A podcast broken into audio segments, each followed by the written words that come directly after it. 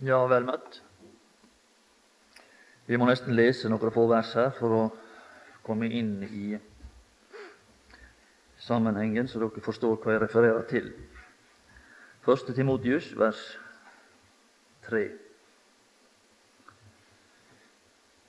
Kapittel 1.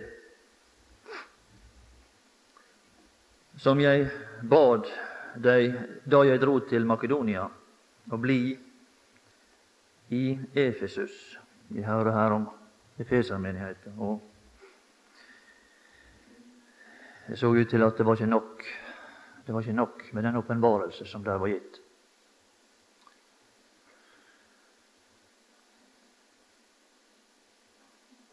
Men eh, det måtte gjøres en jobb etterpå. For at du skulle byde visse folk ikke å fare med fremmed lære. Og Vi las i går fra kapittel 4 her hvor denne lære kom ifra. Og Det er viktig når vi skal forholde oss til personer som bærer fram denne lære, at vi ser det at bak personene så er det egentlige, den egentlige innflytelse som vi kjemper mot, det er åndene, maktene. Som benytter seg av personer, og som forfører personer til å føre denne lære,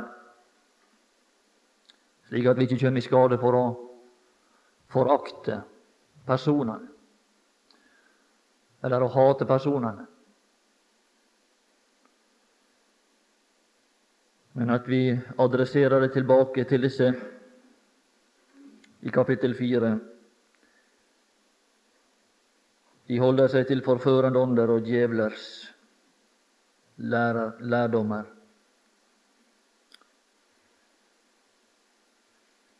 Vel, la oss lese videre. Og ikke gi seg av med eventyr og endeløse ettertavler som mere fører til stridigheter enn til å tjene som Guds husholdere i troen, så ber jeg deg også nu. Behovet var ennå ikke stetta. Det måtte fortsettes med denne bydende aktivitet denne oppdemning mot denne forførende innflytelse.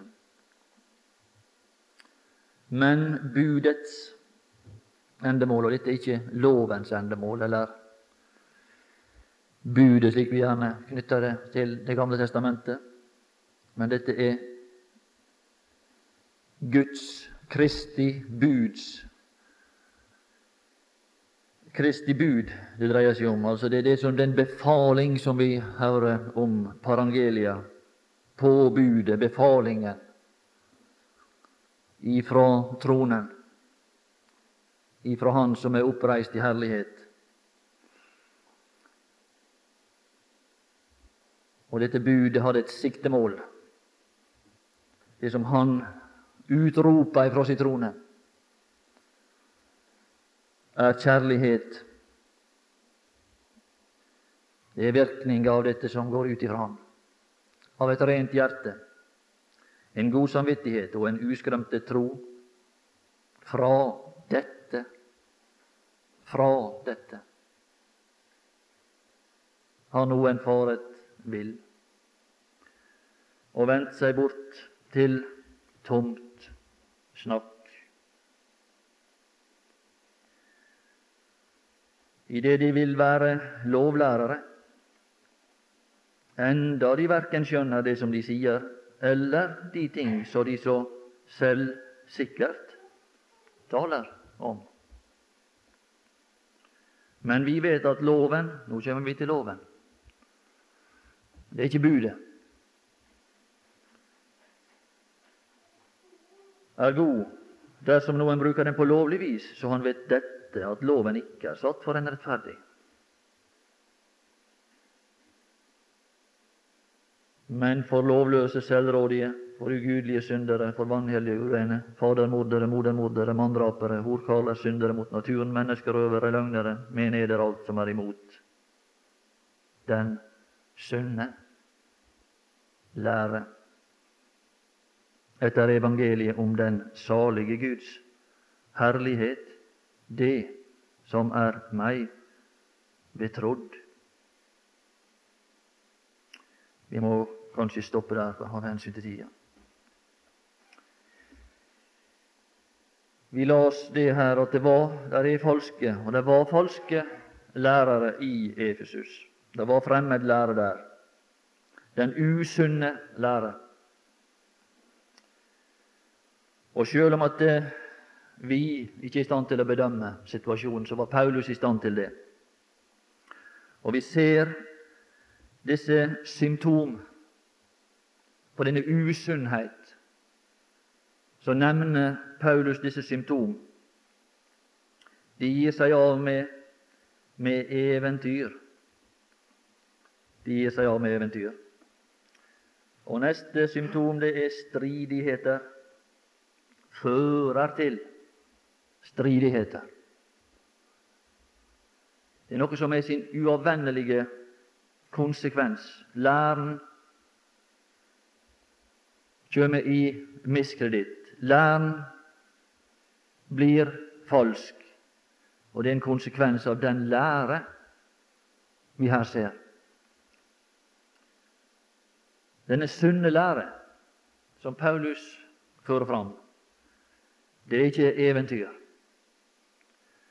men det er det, det evangeliet, det glade budskap om den salige Guds opplevbare herlighet. Og la oss si det slik at dersom ikke den lære som blir ført, framstiller for oss denne herlighet, så er den usunn, og den skaper sykdom iblant de troende. Lenger ute så står det at han er syk, i det kapittel 6 er det vel, for stridsspørsmål. Ja, han er sjuk. Stakkars mann. Stakkars fyr, den er sjuk. Ja, hvorfor det? Men la, la oss finne ut hvorfor og føre tilbake til sitt opphav, fordi at læren var gal. Han er syk. Sykdom kommer inn. Men la oss gå tilbake til dets egentlige opphav, slik at vi kan kurere problemet. Det er det som er saken. Og det er det Paulus gjør. Han, han søker å kurere problemet. Det er en ting å, å, gå inn i, Guds menighet og, og sitte og se på disse stakkars eh, forsagte flokkene rundt omkring på disse bedehusene rundt om i Norge. Alle kan se at de er syke. Det er ikke noe problem å se. Men hva som er grunnen til at disse stakkarene er syke? En, slik gusten forsamling som sitter rundt omkring i dette stakkars Norge. Det skal du leite lenge etter. Forsakte, kraftesløse sjeler. Og her er beskrevet hvorfor. Der står opp personer med selvsikker tale som vil være lovlærere. Så fører det disse folk inn i sykdom og elendighet.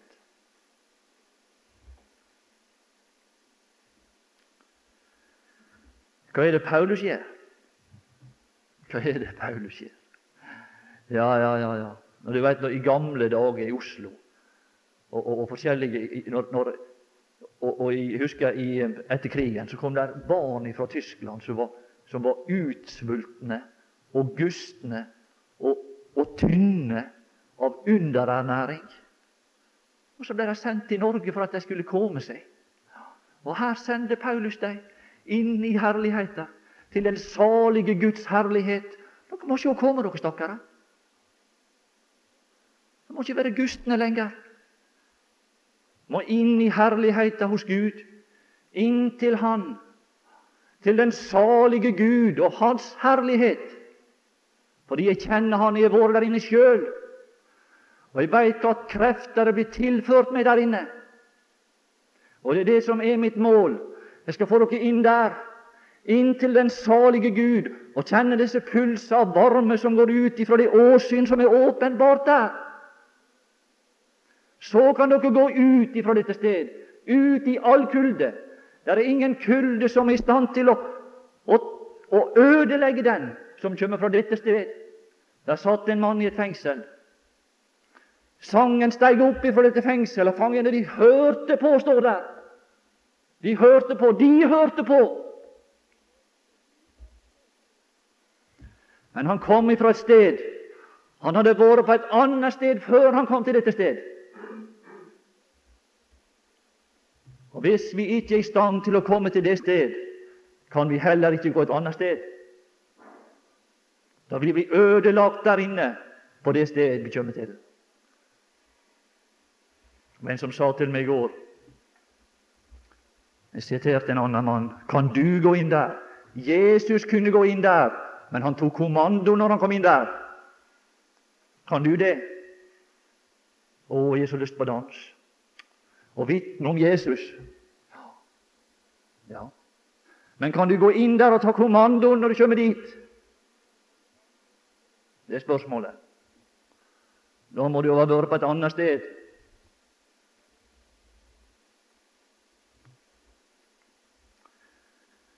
Ja,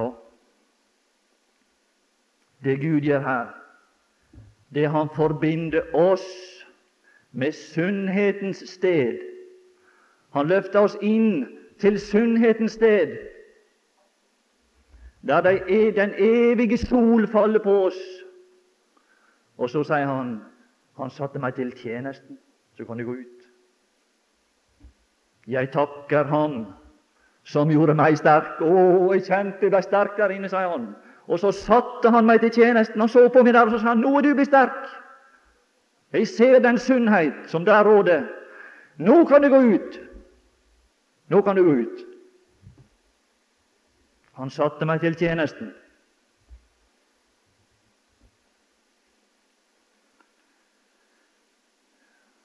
Han forbinder oss med dette sunnhetens sted for at det, når vi beveger oss der ut ifra, at vi skal være i stand til å skape denne sunnhet i disse menneskelige forhold her nede. Fra dette Fra dette har noen faret vill. Forstår du hva det er vi, vi farer vill ifra? Forstår du hva vi taper ved å gi akt ved å ikke gi akt på sunnheten, på den sanne, den riktige lære. Forstår du det? Fra dette har noen faret vill og vendt seg bort til tungt, tungt snakk. De har faret, står det. Det beskriver en bevegelse, ei vandring. Og la meg si det slik at vår ferd den kan ikke stige opp over vår lære. Det er umulig.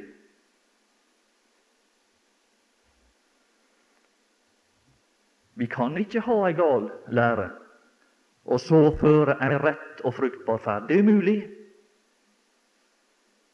Forstår du det?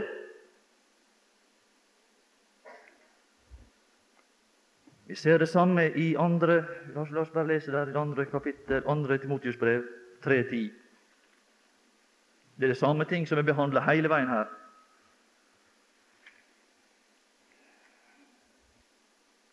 Men du har etterfulgt min kjærlighet. Nei.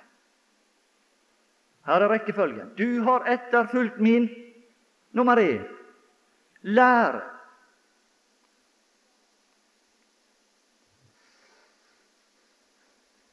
Læren om den salige Gud, læren som flytter oss inn til saligheten hos Gud, læren gjennom hvilken vi ser denne herlighet og opplever den, den som framstiller oss for herligheten og framstiller herligheten for oss.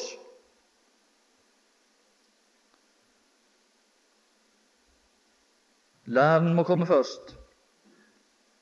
Fordi det er selv, den, den framstiller for oss sjølve gudsbegrepet, Guds innholdet, som vår ferd skal kopiere. Men det er mer. Visst er det mer.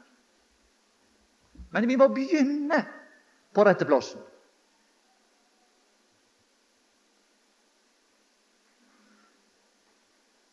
Hva er det læreren legger, legger grunnlaget for? Ja, vi leser at de har faret. Hvorfor har de faret? Hvorfor har de faret vill, står det. Fordi det var ei vranglære. Det var en gal lære, og derfor hadde de faret på en gal måte. Faret vill. Men Timotius her, han fikk en ganske annen attest. Du har etterfulgt min lære læren om den salige Guds herlighet. Og da kunne han også etterfølge apostelens ferd. Min ferd. Men det er mer. Det er også mer. Men vi må begynne på den rette plass. Det er mange mange uttrykk som kommer her nedover, som vi skal etterfølge. Men læren er bare inngangs, innfallsporten, veien inn til dette liv. Du har etterfulgt min ferd. Og så kjem det mitt forsett. Det var det vi las i kapittel 2. Det var det som var blitt Paulus sitt forsett. Det var det han fikk der når han sto for tronen. Han som vil. Han vil at alle mennesker skal bli frelst. Det var det som var Paulus sitt forsett her i dette brevet. Så kommer det mer. Når vi går på denne, denne vei, så vil vi også komme til dette min tro, min langmodighet, min kjærlighet, ser du. Da kommer alt sammen til riktig rekkefølge. Mine forfølgelser, og så vil vi også bli ført inn til dette. Lidelser osv. Vel, vi skal ikke stoppe noe mer for det akkurat nå.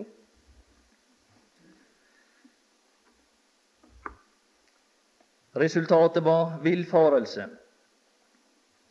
Hvorfor? Fordi en vender seg bort til, til tomt snakk. Og det er en lære som ikke beskriver Guds salige virkelighet. Og den er derfor tom og innholdsløs, iallfall når det gjelder Gud. Men det er det som er problemet, at dersom det er tomhet og innholdsløshet, så har disse onde åndsmakter alt mulig spillerom de vil ha for å føre inn noe i dette vakuum. Og har ikke vi et begrep om den virkelige Gud, så har disse onde ånde og disse småjævler som vi las om i kapittel 4.1, så har de all mulig grunn til å danne et surrogatbilde av denne sanne Gud. Og så blir vi forført og så blir dette dannet av personer til ei lære som beskriver et bilde som ikke er på høgde med denne uendelige, salige virkelighet som er hos Gud.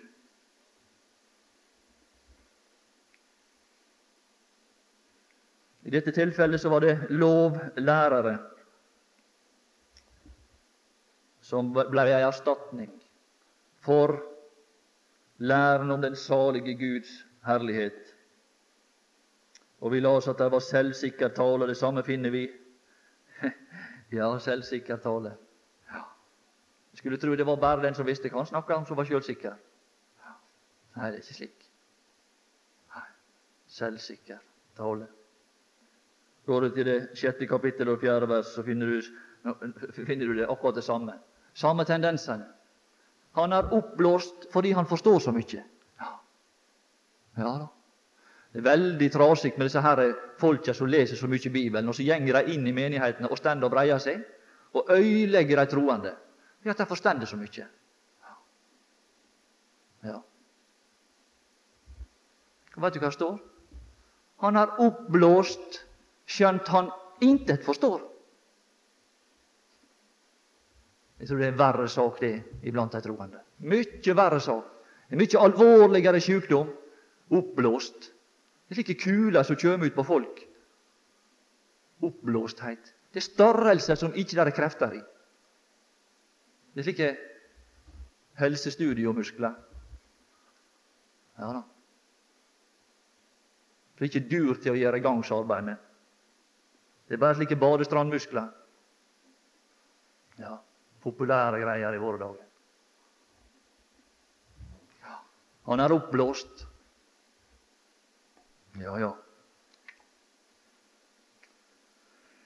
Slikt er det. Men det er sykdom.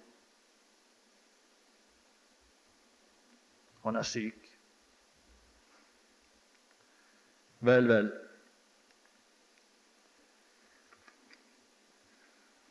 budets endemål, påbudets endemål, befalingens endemål.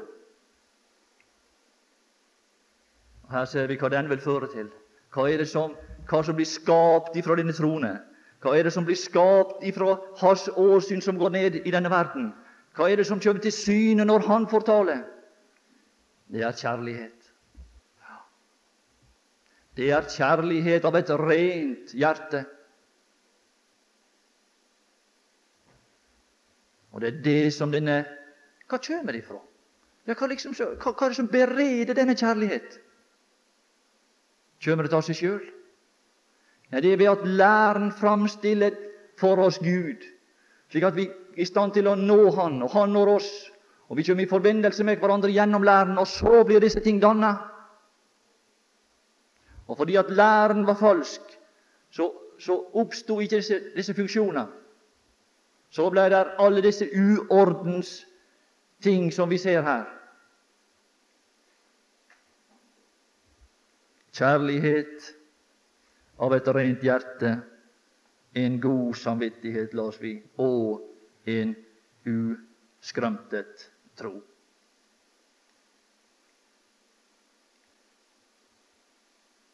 Disse vidunderlige frukter er det vi her taler om. Forstår vi nå at læren er forbundet med disse ting?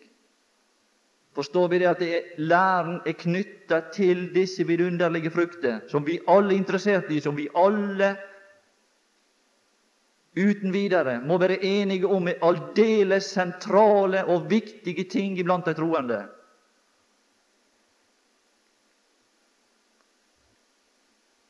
Eller er vi kanskje så dåraktige at vi tror det at disse ting er helt uvesentlige? Der står det noen her som var ikke så nøye på det. Jeg tror like godt å kaste samvittigheten på sjøen, står det. De har kastet fra seg, står det. De har kastet samvittigheten fra seg. Og Det står også i apostelgjerningen de kastet med egne hender skipets redskaper over bord, står det. Ja. Mm -hmm. Hva det du lest om da? Forlis. Og det leser vi om her også. Ja. De har litt skipbrudd på sin tro. Den gode samvittighet, den har noen kastet fra seg. Og de har litt skipbrudd på sin tro i enheten. Så dette er viktige ting. Kjærlighet. Det synges om i hver eneste. Du kan bare trykke på knappen. Kjærlighet. Å, det alle lengter etter denne kjærlighet. Alle forstår viktigheten av den. Men hva er den?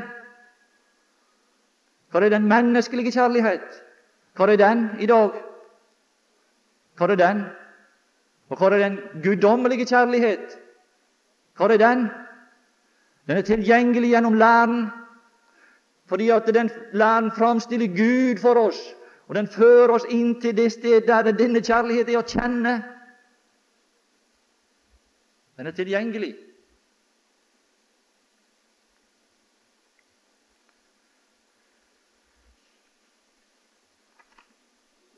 De ville være lovlærere, og dermed gikk disse ting tapt.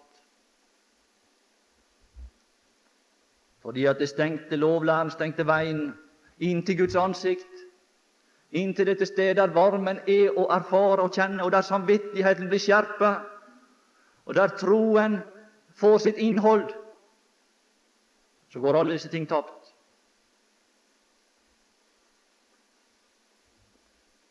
Men venner, Paulus hadde noe ganske annet for meg. Så begynner vi her å presentere hva, hva, han, hva han hadde for meg. Hva han presenterte. hva han var opptatt med, hva som skapte disse krefter i han. Så begynner han å snakke om i vers 10 den sunne læren. Så blir han stående der.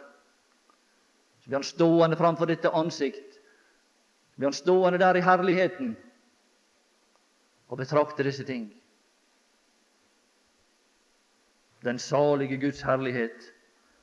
Og så står der vers 12 Jeg takker. Men ei neste gang han kjem til herligheten. Men å snakke om herligheten, så er det oh, han, han greier ikke å si noe mer, så stopper han opp og så sier han det. Jeg takker. Ser du? Med en eneste gang den første stråla av herlighetens uh, faller på Paulus, så må han liksom Å, takk. Jeg takker ham.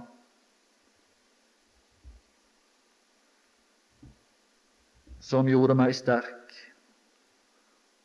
Hva er dette? Hva er styrke for noe? Ja, er ikke det sunnhet? Er ikke det det som er sunnhet? Er ikke det et resultat av den sunne lære? Det er sunnhet, det det som er styrke.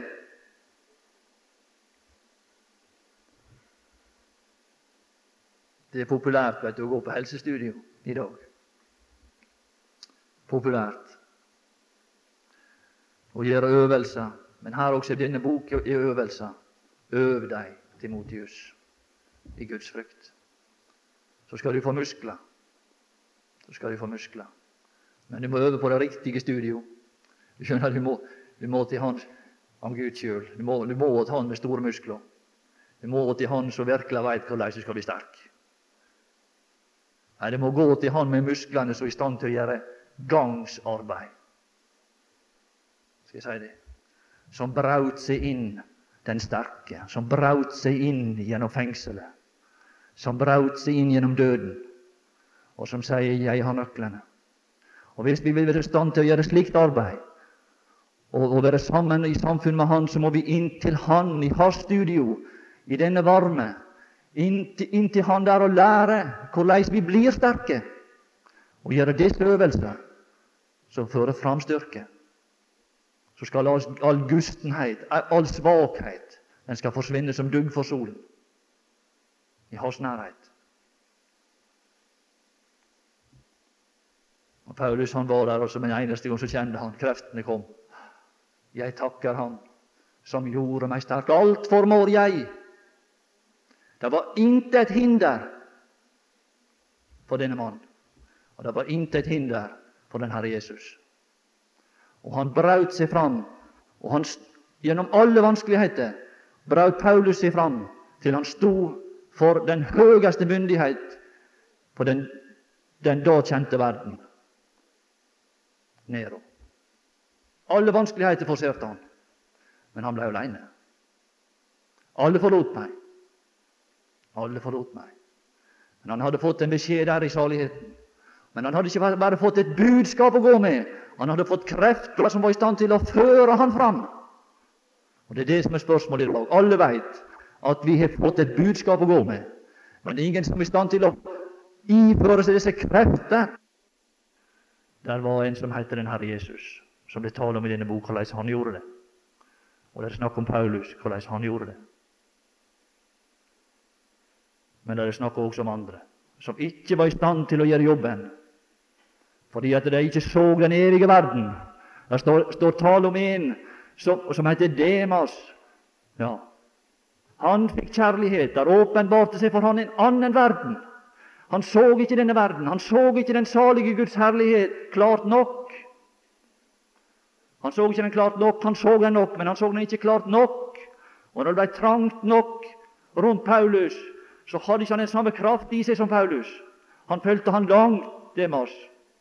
Men da åpenbartes det en annen verden for han, og så fikk han kjærlighet, står det, til den nuværende verden. Fordi han ikke hadde krefter til å se inn. Han så ikke inn til den salige Guds verden. Og så falt han av lasset. Kjenner vi det? Feller vi av lasset? Vi feller av lasset for mindre enn det, mye mindre enn det. Jeg vil se den som har fulgt Paulus så langt som Demas. Ingen av oss. Iallfall ikke jeg. Det var trangt i fengselet hos Paulus. Men det åpenbares for han der i fengselet. Når det ble trangt, når det ble guffent, når det ble gustent, så så han tilbake. Han drog til Tessalonika. Det var triveligere der.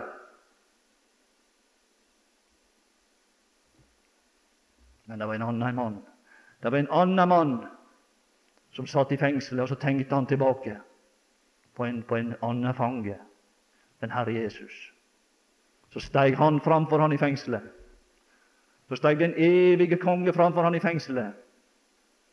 Så tenkte han på Jesus. Så sitter han og skriver.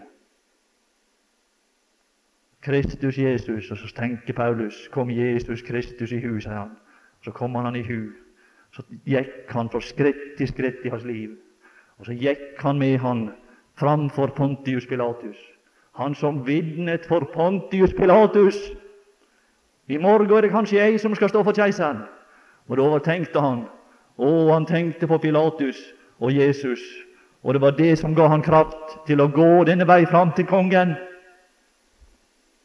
Så tenkte han på Han hadde stått for Guds ansikt, og så sier han det. Han hadde kjent denne varme. Han hadde kjent den varme som var der, for konger og for alle dem som er i høyverdighet. Her er en mann som er i høyverdighet, og jeg kjenner denne, denne konge i den evige verden. Hva slags sinn han har for denne mann. Og så gikk han, og så tenkte han der denne, kanskje den siste natt på Jesus, som vitnet for Pontius Pilatus. Den gode bekjennelse. Hva sa han? Mitt rike er ikke av denne verden. Han talte om ei anna verden. Det var et menneske som sa Pilatus sannheten om det, det usynlige, som vi hørte om her forrige time. Men vi må, vi må inn, inn i herligheten skal vi ha slike krefter. Vi må føres fram inn i Guds helsestudio, slik at vi får krefter der. Og vi kan kun komme dit gjennom læren om den salige Guds herlighet.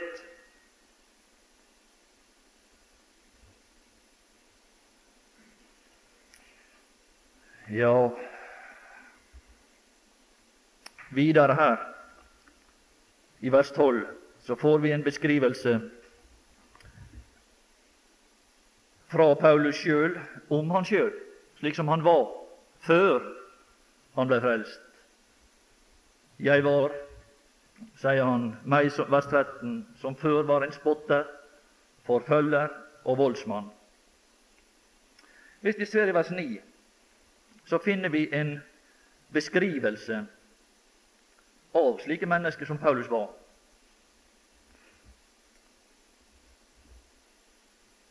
disse selvrådige, ugudelige syndere, vanhellige, urene. Slik var Paulus.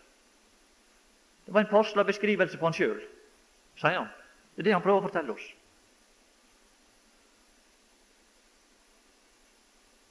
Paulus er det er det han søker å si oss nå.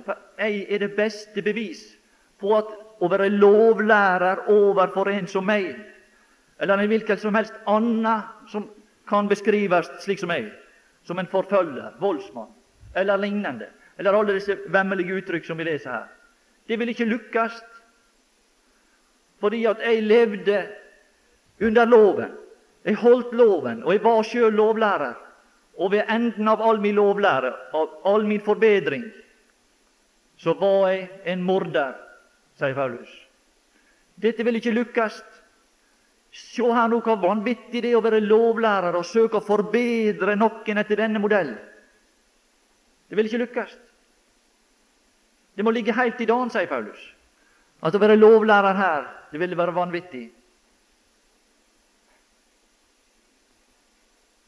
Han er det beste bevis på at loven ikke kan foredle, forbedre noen som helst, eller nå sitt mål. I sterk kontrast til dette står denne lære om herligheten. Og Det er viktig for oss å forstå hvor stor forskjell det er på disse to ting.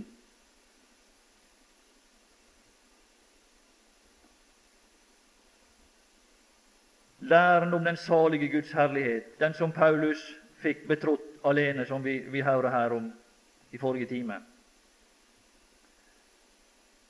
Denne åpenbarte verden, den usynlige, åpenbarte verden, den inneholder nemlig et meget vesentlig element, og det er elementet nåde. Nåden. Og det som Paulus sier her, det er at denne nåde, den makta, det som denne lovlære ikke makta. Han prøvde et helt liv ved denne lov til å bli noe bedre, og ved enden var han en morder. Men så kom nåden inn, og i et øyeblikk var Paulus forvandla og blei til noe. Og hva blei han?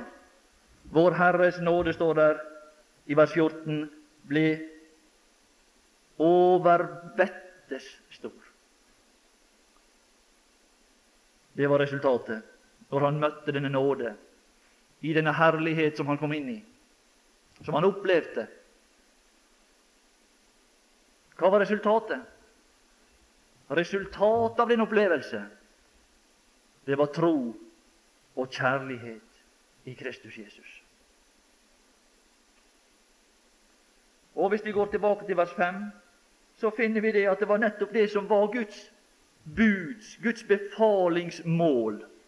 Budets endemål er kjærlighet av et rent hjerte, en god samvittighet og en uskremtet tro. Ser du? Tro og kjærlighet. Det var det som var målet. Og her ble det nådd hos Paulus ved at han kom inn i Guds verden og fikk oppleve nåden. Det er det som kan skape disse kvaliteter i oss. Jeg fikk nåde. Jeg fikk miskunn. Det er et annet uttrykk for denne nåde. Og Denne forfølger og voldsmann han ble plutselig fylt av kjærlighet og tro ved denne nåde som han opplevde. Og med en eneste gang så ser vi i hva slags retning disse kvaliteter, denne kjærlighet og denne tro virker Jesus, Kristus Jesus kom til verden for å frelse syndere. Det er retninga denne kjærlighet og denne tro tar her i dette brevet. Vi kan vel alle være enige om det at å forvandle en morder til et, men, til et elskende menneske, det er et, et mål i seg sjøl. Men dette brevet her, det går videre og viser oss retninga på din kjærlighet og din tro. Og viser oss, viser oss da hva slags retning ja, denne, disse kvaliteter tar. Hva de retter seg mot, hva de søker å oppnå, og hva som må til for at dette kan fungere og virke.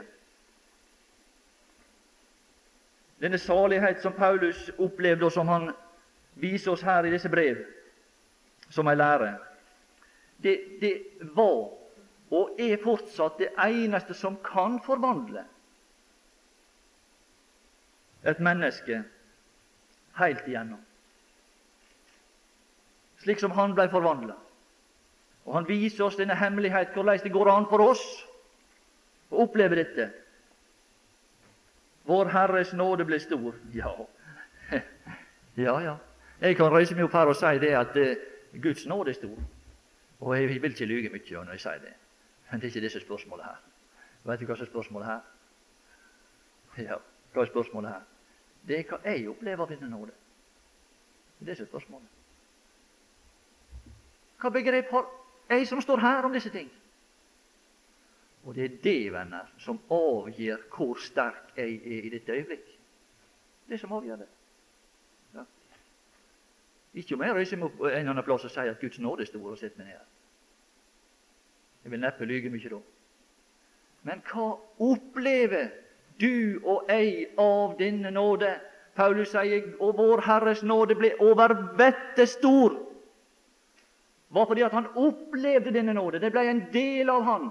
Han kom inn i denne nåde og kjente, disse, kjente dette smil, kjente denne varme, kjente hele denne, den evige verdens herlighet av nåde steg nedover seg.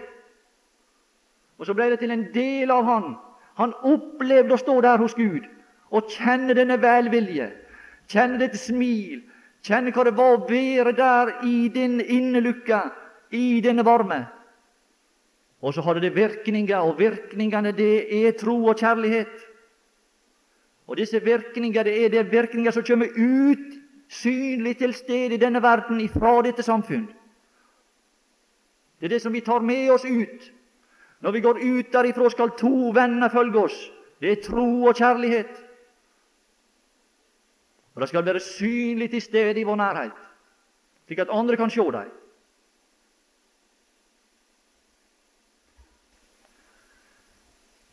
Ja, hvis vi går til andre Timotius brev, så, så finner vi der en forsagt Timotius. Svakhet er kommet til Timotius, og, og Paulus skriver til ham. Og hva er det han skriver? Så i 2.1.: Så bli da du, min sønn, sterk. Hva ved? Ja, du må inn på samme studio du også, Timotius. Ja, du har vært der før. Du har vært der før, jeg veit det. Men nå kjenner jeg ser det at vi begynte å bli gusten igjen. Svake i hjertet. Begynte å bli svake. Motløs. Hvorfor det? Sykdommer, dine sykdommer. Jevnlige sykdommer. Dine forfølgelser. Tårer. Ja, det var tårer. Det var mange ting. Men du må inn igjen til nåden. Du må inn i herligheten. Inn i herligheten igjen. Du må inn der hos Gud. Nåden. Du må ikke glemme nåden. Så blir da du, min sønn, sterk igjen ved nåden. Du må inn i denne varme, inn i dette samfunn, inn igjen. I den salige Guds herlighet. Så må du varme det der igjen. Så må du få tilført krefter slik som jeg fikk det igjen. Du må være der alltid. Så blir da du sterk, for jeg ble sterk der. Jeg takker Ham som gjorde meg sterk, og jeg veit at Han kan gjøre deg sterk.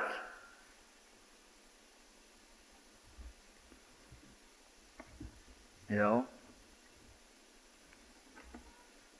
Vi mener kanskje det at Paulus sto i en særstilling, og at vi ikke kan bli tilført styrke på denne måten slik som han blei det. Og det er sant. På en måte er det sant at Paulus sto i en særstilling, men det er ikke sant at vi ikke kan oppleve det som Paulus opplevde. For han sier det til Timotius du kan oppleve det, du kan bli sterk. Og hva var han kjente? Da du fra barndommen av kjenner de hellige skrifter som kan gjøre deg. Som kan gjøre deg. Vis. Gjennom disse hellige skrifter kan du komme inn i denne verden som jeg opplevde ved direkte åpenbarelse.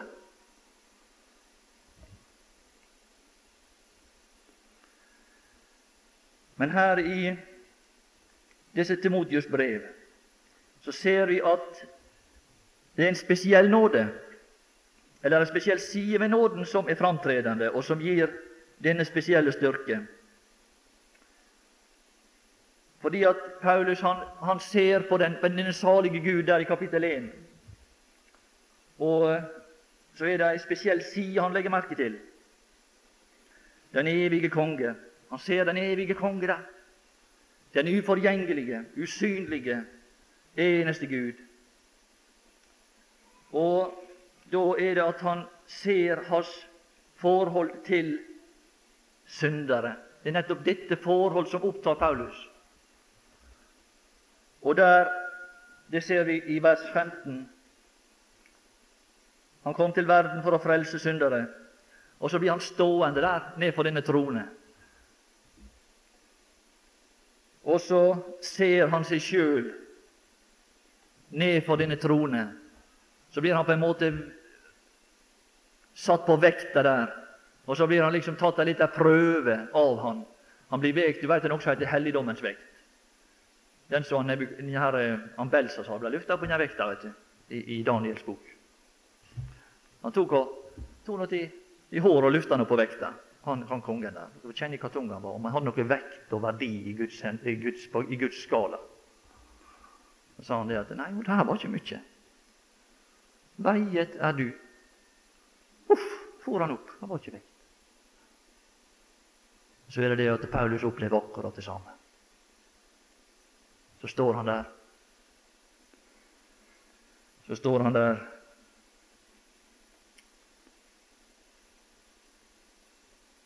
De har et troverdig ord og fullt verdt mot at Kristus Jesus kom til verden for å frelse syndere. Og så står han liksom Han står på en måte og ser på seg sjøl utenfra. Så ser han seg sjøl på vekta. Og så ser han seg sjøl der, så sier bang. Så så stiger han til værs. I vektskålen stiger de til værs. Fordi at han hadde ikke vekt. Det var ikke kvaliteter i han. Så står han innenfor dette åsyn så liksom den usynlige, eneste Gud. Står han innenfor ditt ansikt der, så opplever han være aldeles totalt verdiløs. Og så ser han denne opplevelse der i, framfor denne trone. En aldeles overmannende opplevelse.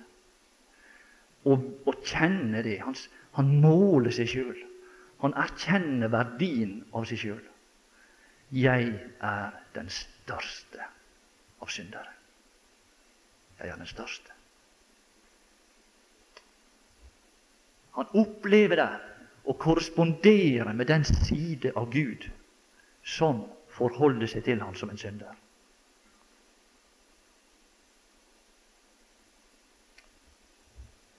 Og Det er dette som skaper bakgrunn for å framstille Kristus i dette brevet som den som kom til verden for å frelse syndere.